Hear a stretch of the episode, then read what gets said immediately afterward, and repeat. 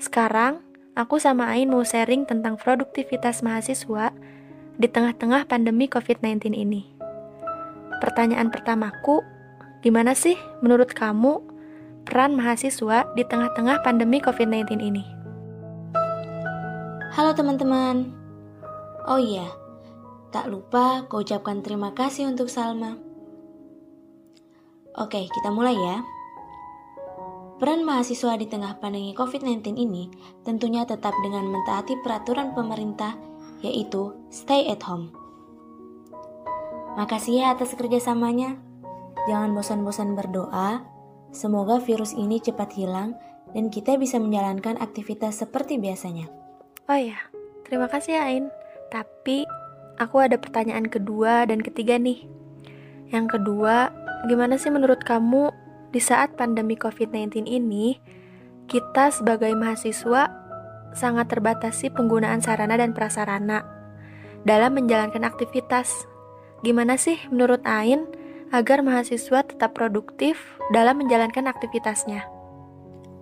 Rasa bosan dan jenuh pasti kita rasakan, sebab kita tidak menjalani aktivitas seperti biasanya.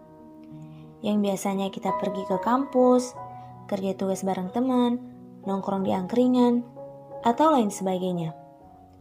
Tapi jangan khawatir teman-teman, saya akan memberikan saran agar aktivitas kita tetap produktif walaupun di rumah aja. Tapi sebelum melakukan itu, langkah awal yang harus kita lakukan ialah menyusun rencana kegiatan yang akan kita lakukan di pagi hari sampai malam hari. Hal ini sangat penting agar kita lebih menghargai waktu, tidak malas-malasan, dan membuat kita lebih disiplin. Hal ini juga baik untuk kesehatan mental dengan mengurangi kecemasan akibat pekerjaan. Aktivitas produktif yang bisa kita lakukan ialah Pertama, sebagai mahasiswa, kuliah online atau kerja tugas sudah pasti masuk di link dalam list kegiatan. Aktivitas produktif yang bisa kita lakukan ialah sebagai mahasiswa, kuliah online dan kerja tugas sudah pasti masuk dalam list kegiatan.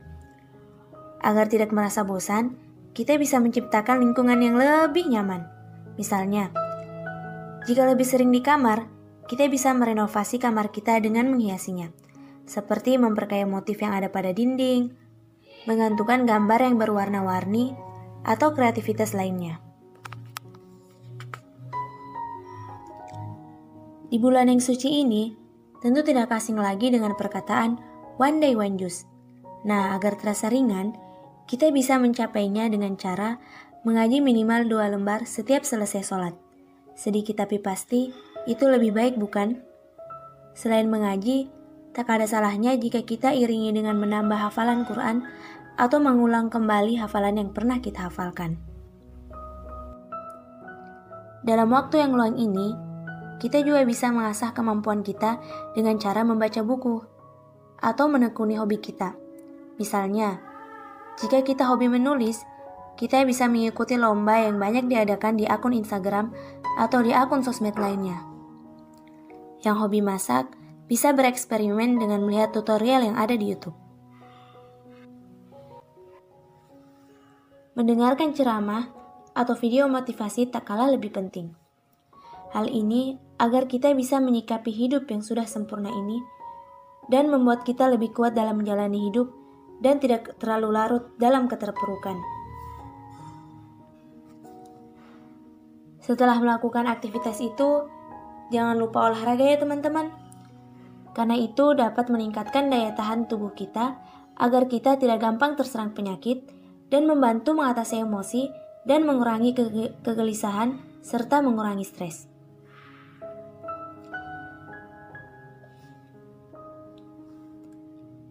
Itulah beberapa saran yang bisa saya sampaikan. Semoga bermanfaat untuk kita semua. Selamat mencoba ya teman-teman. Nah, teman-teman, Ain udah menjelaskan dan memberikan beberapa tips sebagai mahasiswa dan generasi milenial agar produktif dalam aktivitasnya. Dan Ain pun punya pesan nih buat generasi milenial, bagaimana sih membantu memajukan estafet perjuangan bangsa Indonesia ini. Pesan buat generasi milenial untuk membantu memajukan estafet perjuangan bangsa Indonesia dengan cara meningkatkan potensi diri dengan terus semangat belajar dan tidak bermalas-malasan. Karena kesuksesan tidak digapai oleh jiwa pemalas. Dan yang kedua, meningkatkan kepedulian pada situasi terkini yang sedang terjadi di Indonesia agar terlibat aktif melaksanakan kewajiban sebagai warga negara. Nah, teman-teman, mungkin podcast hari ini hanya segini ya. Semoga bermanfaat. Tetap stay di rumah aja ya. Semoga teman-teman semua sehat-sehat. Terima kasih.